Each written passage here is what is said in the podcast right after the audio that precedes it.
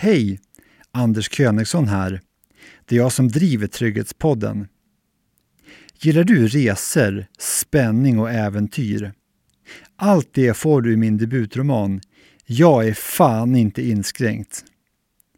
Just nu kan du som lyssnar på Trygghetspodden bli ägare till ett signerat ex av boken. Gå bara in på AK Förlags hemsida, akförlag.se och ange ordet Trygghetspodden när du köper boken. Alltså, gå in på akförlag.se och ange Trygghetspodden så har du snart ett signerat ex i brevlådan. Och nu, kära lyssnare, är det dags för ännu ett superintressant avsnitt av Sveriges viktigaste podd. Ett barn som blir utsatt för ett rån, vad händer i barnets hjärna då? Ja, det präglas in ett aversivt, obehagligt minne. Och tack vare att deras hjärna är, inte är färdigutvecklad så kommer det här minnet att kodas in starkare med mycket stor sannolikhet än hos om en vuxen hade råkat ut för detta. Så det kan alltså påverka hur hjärnan fysiskt utvecklas? Ja, det påverkar strukturerna så att hippocampusvolymen är mindre hos människor som har svår PTSD. Du lyssnar på Sveriges viktigaste podd, Trygghetspodden, med Anders Königsson. Jag är Mats Fredriksson som är professor i psykologi vid Uppsala universitet och hjärnforskare vid Karolinska institutet. Vilken är din inriktning inom hjärnforskning? Jag har framförallt intresserat mig för olika former av rädsla och vilka mekanismer som finns bakom rädsla. Och sen så är jag specialintresserad av neurokemiska förändringar som sker i samband med rädsla. Så det finns ju, hjärnan funkar ju så att det är en nervsignal som skickas och i en kontaktpunkt som kallas en synaps där den kopplar till en ny nerv. Då är överföringen inte elektrisk utan kemisk. Och de kallar man för neurokemiska processer. Så att där griper jag jättemycket grejer in som droger, alkohol, allt annat påverkar de där processerna. Så att jag tycker det är spännande att försöka förstå vad det är som finns för processer bakom rädsla. Du är ju professor i klinisk psykologi. Innebär det också att du har erfarenhet mer från det mentala om man säger så, hur, hur människan fungerar rent känslomässigt? Jo, nej, jag har jobbat framförallt med kognitiv beteendeterapi och samma där att jag försökt behandla människor med olika typer av ångestproblem eller fobiproblem som social ängslan och rädsla för ormar, spindlar, höga höjder och sånt. Så att jag har även liksom inom den kliniska verksamheten ägnat mig mest åt rädsla. Just det här att du arbetar mycket med rädsla, hur kommer det sig att du kom in på det området? Jo, därför att jag tyckte det var konstigt att det är liksom hjärnan, i hjärnan så tävlar känsla och förnuft med varandra och känslan vinner över förnuftet. Det är liksom inget snack. För människor som är rädda för spindlar och ormar, de kan säga att jag vet ju att det inte är farligt med en bild på en orm, men jag kan inte ta i en tidning om det, jag vet att det finns en ormbild där. Och varför kan man inte det då om, om det är så att människan är en så rationell varelse? Så borde vi liksom kunna övervinna de där emotionerna. Men det kan vi inte, utan känslan bestämmer där hur vi handlar. Och det, det vill jag förstå. Vi ska prata lite grann om hjärnan och hur den fungerar när man utsätts för något som gör att man blir rädd eller chockad. Men först då, för att göra det lättare för alla lyssnare att hänga med. Hur är hjärnan uppbyggd i stort och vilka områden hanterar vilka intryck? Till exempel då rädsla. Man kan säga att i stort sett så är väl hjärnan uppbyggd av tre olika system. Ett utvecklingsmässigt väldigt gammalt som vi delar med alla andra däggdjur och ryggradsdjur och reptiler och fåglar och så. Så det, det är en hjärnstam och det som finns runt omkring den som sköter automatiska funktioner som andning, blodtryck, puls, eh, metabolism. Och sen på den så väljer det som, som en nyare, lite nyare del men som också är relativt sett gammal som består av hippocampus som är involverat i minne, som består av amygdala som är viktig för emotioner och som består av striatum som är viktig för det som vi upplever som positivt och, och gott. Och sen så ovanpå det så välver sig ju cortex, alltså den gråa substansen som vi brukar kalla den i, i dagligt tal. Och där har ju människan mycket mer än vad apor har som också har en del som i sin tur då har mycket mer än vad hundar och katter och hästar har. Så att genom utvecklingskedjan så har cortex byggts på. Men man skulle kunna säga att det finns en reflexhjärna, det finns en emotionshjärna och det finns en tankehjärna. Om man blir skrämd, vad händer då i hjärnan och var händer det här? Om man blir skrämd så händer det på väldigt många olika ställen i hjärnan. Så signalen kommer ju först in via ögonen och så går det inte någonting som kallas för knäkropparna som är två små prylar som hänger under talamus som är en, en kopplingsstation som ligger mitt i den där emotionshjärnan. Och sen så kopplar det bak till synbarken och samtidigt som det kopplar bak till synbarken kopplar det också direkt ner till amygdala. Så att innan vi ser någonting så kan amygdala få en varning eller amygdala uppfattar det här hotet och då kan vi liksom bli skraja innan vi faktiskt erfar och ser vad det är. Samma om det kommer ett högt ljud eller en signal eller siren eller någonting sånt där. Går in genom hörseln och så når det talamus och där går det direkt ner till den här lilla kärnan som är viktig för rädsla, amygdala, innan det går upp till hörselbarken. Så att på så sätt så är hjärnan designad så att vi väldigt snabbt utan att tänka och utan att märka någonting uppmärksammar saker och ting. Och sen så processas den här signalen och går upp till cortex. Och där pågår en debatt nu om vad är det som gör att vi känner?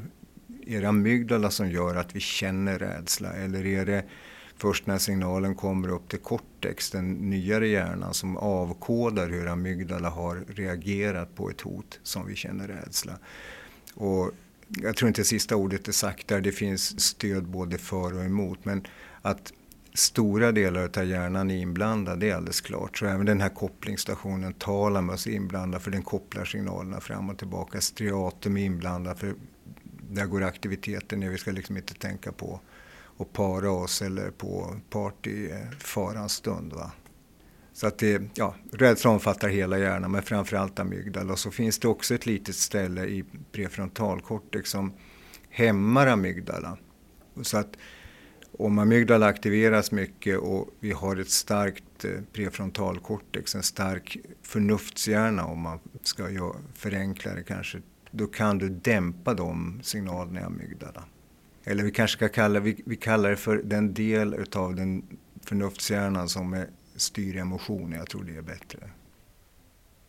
Det här att hjärnan då reagerar egentligen innan den har förstått vad som hänt, att det går på reflex. Är det här något liknande som det här man brukar säga att om man lägger handen på en varm platta så tar man bort handen innan man faktiskt känner att man har bränt sig? Är det ungefär samma typ av reaktion eller är det någonting helt annat? Nej, nej det är samma typ av reaktion. Men, men de reflexbanorna ligger längre ner i hjärnan. De, de ligger i den här som jag kallar för reflexhjärnan. De ligger på hjärnstamsnivå medan de här ligger ett steg upp.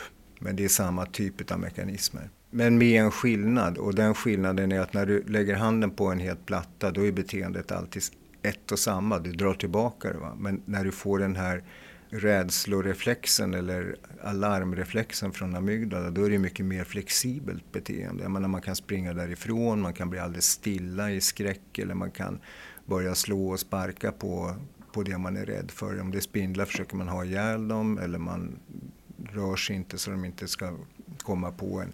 Eller man springer därifrån allt vad man orkar. Så att den reflexen har ett mycket flexiblare beteende, flexiblare beteenderepertoar. Du har varit med och gjort en studie där personer som hade blivit utsatta för ett bankrån deltog. Vad var det ni gjorde i den här studien? Jo, det var rätt bisarrt faktiskt för att det är en bank som hade blivit rånad vid tre tillfällen och det här är det fjärde tillfället som den är rånad. Och den är rånad av samma man. Han är inte dömd för det men man vet exakt vilken det är för han har en speciell gångstil. Han har en hälta som är oerhört typisk. Alltså det, det är den lokala kvartersrånare som rånar banken. Det är, det är snurrigt. Va? Men då var de här eh, inspelningskamerorna på. Så man ser honom gå in i banken, man ser honom ta upp ett eh, skjutvapen, man ser honom slå sönder rutan, man ser honom skrika och begära pengar, hoppa över disken och tillskansa sig pengar. Och de som var där var ju rädda naturligtvis. De var ju livsrädda för att eh, skraja för att han skulle börja skjuta och att han hotade och sådär. Men i vart fall den där inspelningen av rånet på, från säkerhetskameran, det visade vi för ett, sju eller åtta personer av de som hade varit med om det där rånet. Så att de, och då återupplevde ju de rånet hos oss medan vi mätte aktiviteten i deras hjärnor. Och där är det de här rädslorelaterade områdena som lyser upp och sen kan man säga att de förnuftsrelaterade områdena som finns, där, där går rullgardinen ner, där blir det blankt. Men många av dem tyckte det var väldigt obehagligt att genomgå den här igen. För det liksom uppväcker precis de där känslorna de hade i rånsituationen. Men där har man ju då en, ett exempel på hur vi har kodat in och så får man minnespåminnelser och sen så, vad som händer det är att man, man får precis samma mönster i hjärnan som när man är med om det här första gången. Du var också med och gjorde en annan studie om posttraumatiskt stresssyndrom som förkortas PTSD. Först då, för den som inte känner till det här vad posttraumatiskt stresssyndrom är, kan du kort berätta det? Ja, det är de reaktioner som uppstår efter att du har genomgått en situation som är ett hot mot dig och ditt liv. Det kan vara krigssituationer, det kan vara övergrepp, det kan vara våldtäkter, det kan vara, jag säger den där bankrånssituationen om någon siktar på dig med ett vapen så blir man ju skraj för sitt liv. Och sen, ja, ungefär 10 procent av alla som är med om en sån här obehaglig situation, de utvecklar någon form av problem efter. Och vi brukar kalla de problemen för PTSD med ett gemensamt namn. Men det består av att man får flashbacks, man påminns om den situation man är eller man kanske hellre skulle säga att man återupplever man tycker att man är där igen. Va? Det är inte bara det att man tänker på att det här är ett minne och så, utan det känns som man är i situationen igen. Sen får många problem med sömnen, man kan hoppa till för allra minsta. Och de här symptomen ska då räcka under en viss period för att man ska diagnostiseras med PTSD. Och sen blir man då ofta också emotionellt avtrubbad. Man känner att liksom man blir inte lika glad som man var förut, man blir inte lika ledsen som man var förut. Så att, enkelt uttryckt så får man sämre humör och sämre livskvalitet av PTSD.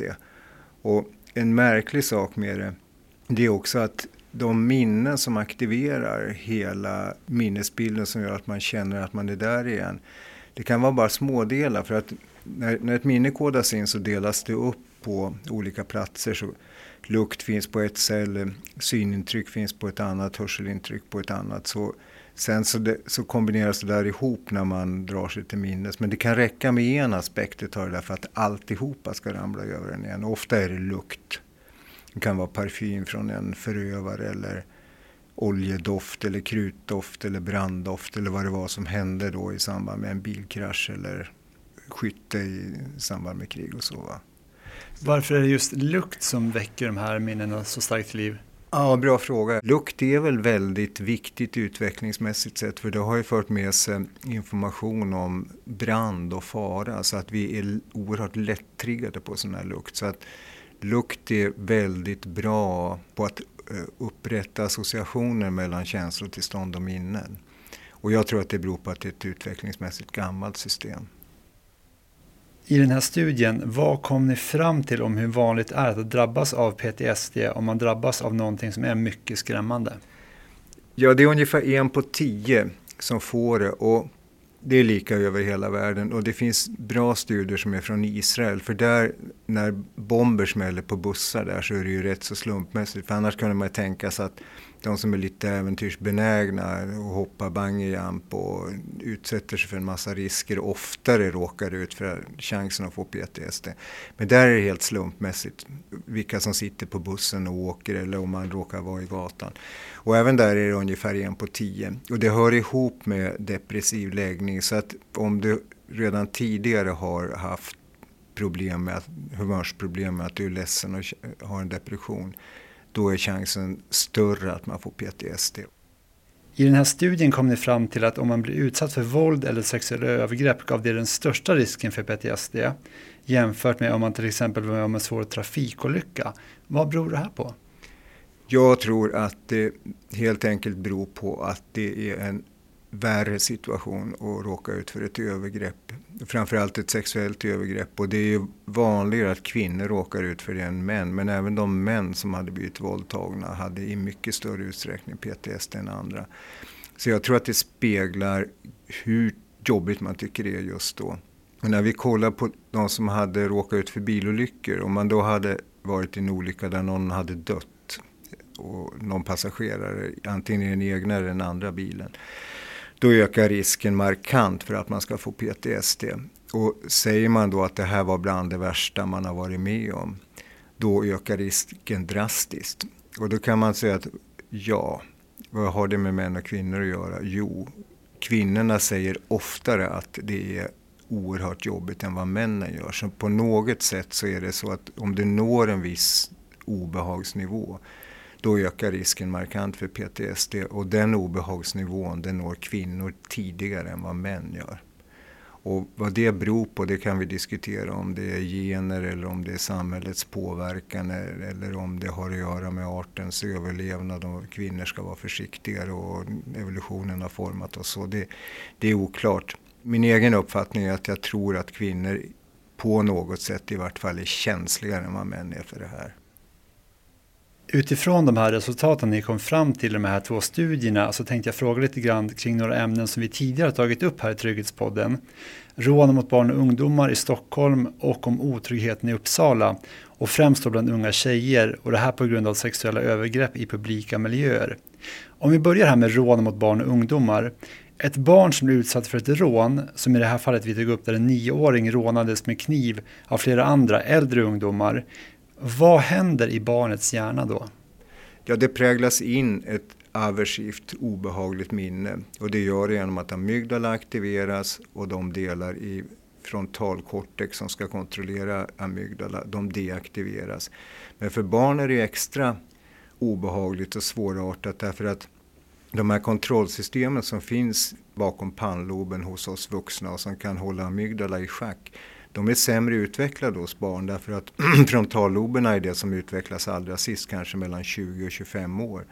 Så att för barnens skull så, så har de inte samma möjlighet att kontrollera sina egna emotionella reaktioner som vi vuxna har. Så att tack vare att deras hjärna är, inte är färdigutvecklad så kommer det här minnet att kodas in starkare med mycket stor sannolikhet än hos, om en vuxen hade råkat ut för detta. Vad betyder det då för barnets hälsa och välmående, både på kort och på lång sikt? Ja, det är inte bra naturligtvis. Och hur dåligt det är, det vågar inte jag säga. För att jag, alltså jag är sådär så att jag vill gärna ha en studie och hänvisa till om jag ska säga någonting. Men vad man vet, va, det är ju att så länge hjärnan växer och, och förändras, och det händer ju jättemycket med, med barns hjärnor i den där 10, 11, 12 års åldern. Det, det tillväxer massor med neuron. Och sen så dör de eller de försvinner av sig själva om de inte används.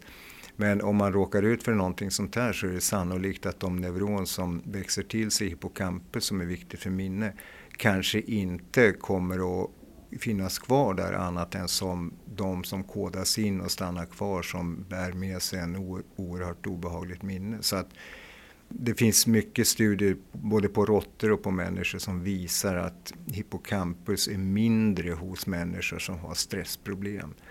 Om det är så att stressen ger en mindre hippocampus eller om det faktiskt är så att om man föds med en mindre hippocampus man har en större chans att få de här problemen. Det, det är delvis oklart. Men i vart fall så finns det ändå en risk för att hjärnans utveckling ska påverkas negativt av det där. Så det kan alltså påverka hur hjärnan fysiskt utvecklas? Ja, det påverkar strukturerna så att hippocampusvolymen är mindre hos människor som har svår PTSD. Något vi alltså också tagit upp tidigare här i Trygghetspodden är de unga tjejer i Uppsala som känner sig otrygga på grund av sexuella trakasserier och våldtäkter i publika miljöer. Er studie visar alltså att sexuella övergrepp ökar risken för posttraumatiskt stresssyndrom mer än till exempel då bilolyckor eller andra hemska saker. Men om vi börjar med de som faktiskt inte drabbats men som ändå är oroliga eller rädda som vi kunde höra i det här inslaget då som var från Uppsala för det var många tjejer som var oroliga trots att de inte själva hade drabbats. Är det skillnad i hjärnan om man utsätts eller har utsatts för något mycket skrämmande som till exempel en våldtäkt eller ett våldtäktsförsök jämfört med om man är rädd för att göra det men inte har de facto utsatts för det? Mönstren i hjärnan är ganska lika om du faktiskt erfar någonting eller om du faktiskt föreställer dig någonting. Så att det finns inga, skulle jag vilja säga, avgörande skillnader.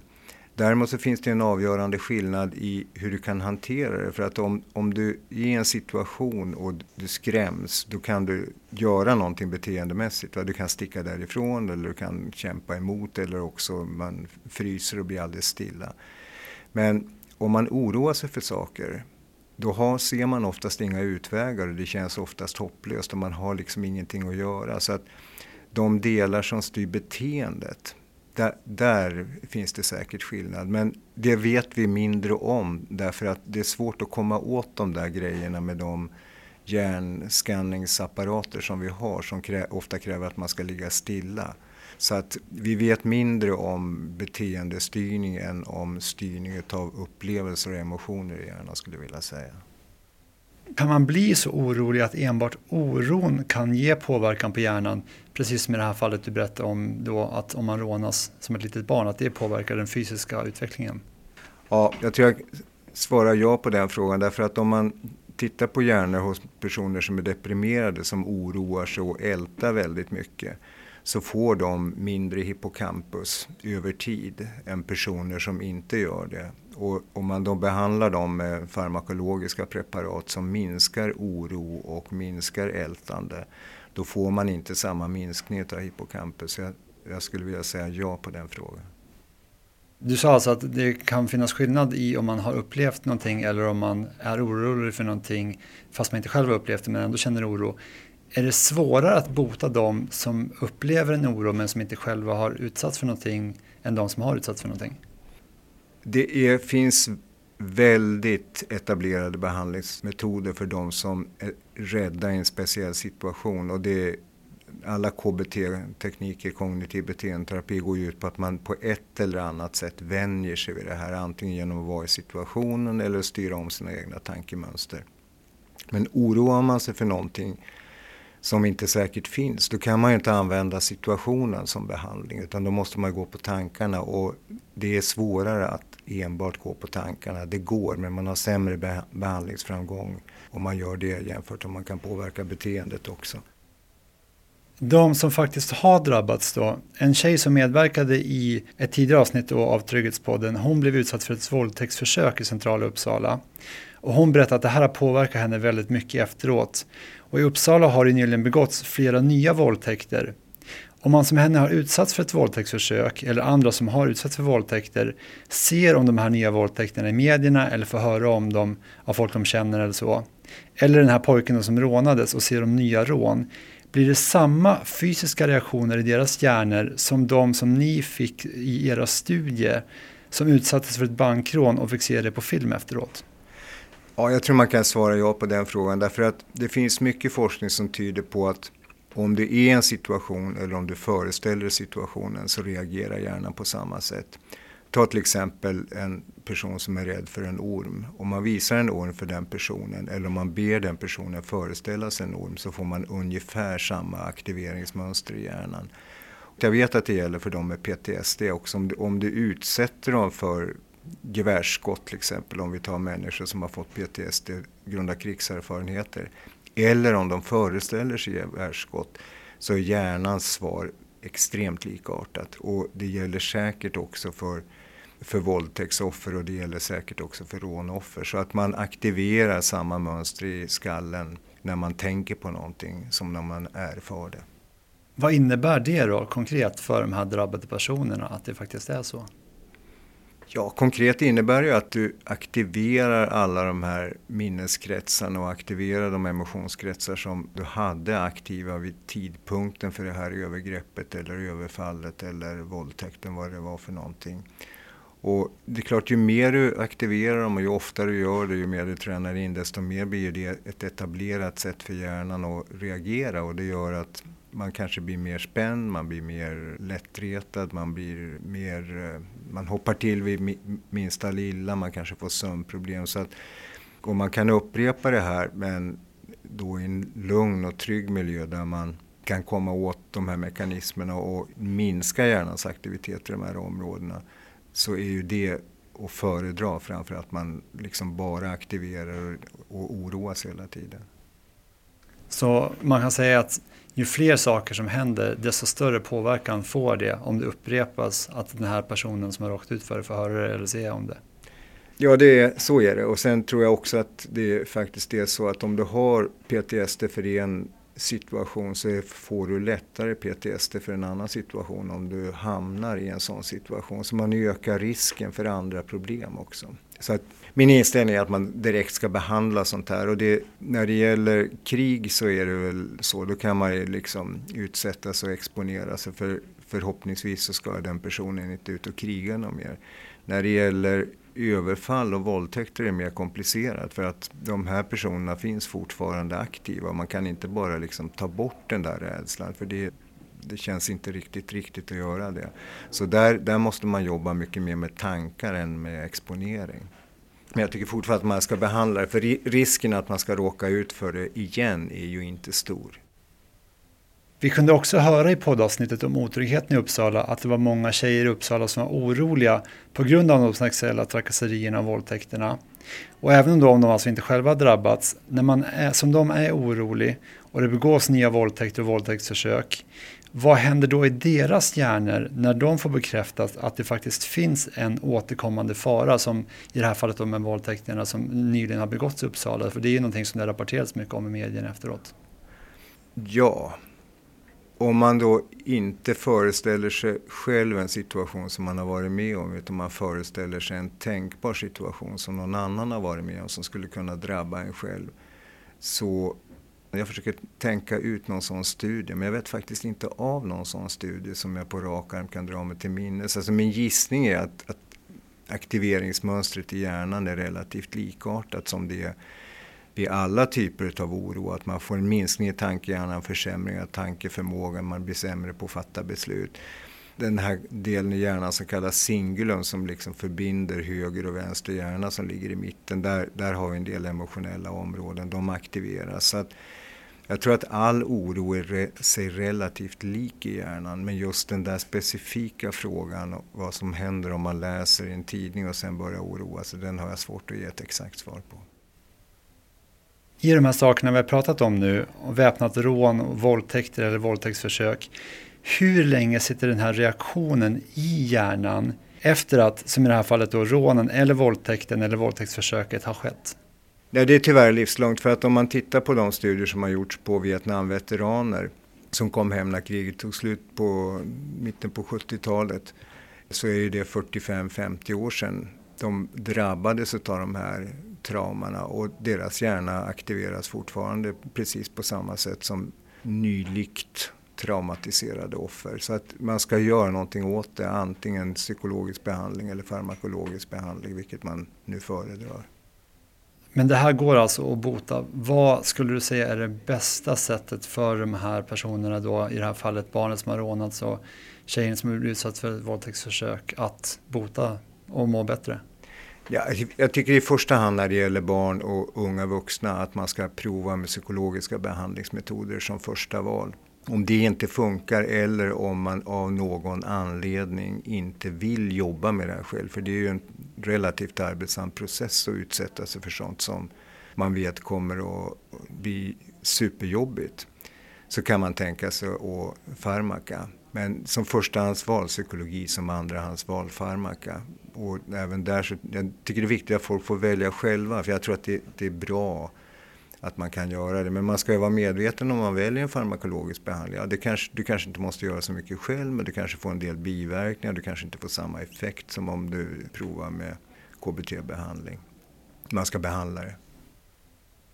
Avslutningsvis så ska vi säga att det finns mer information om posttraumatiskt stressyndrom på Vårdguiden 1177.se.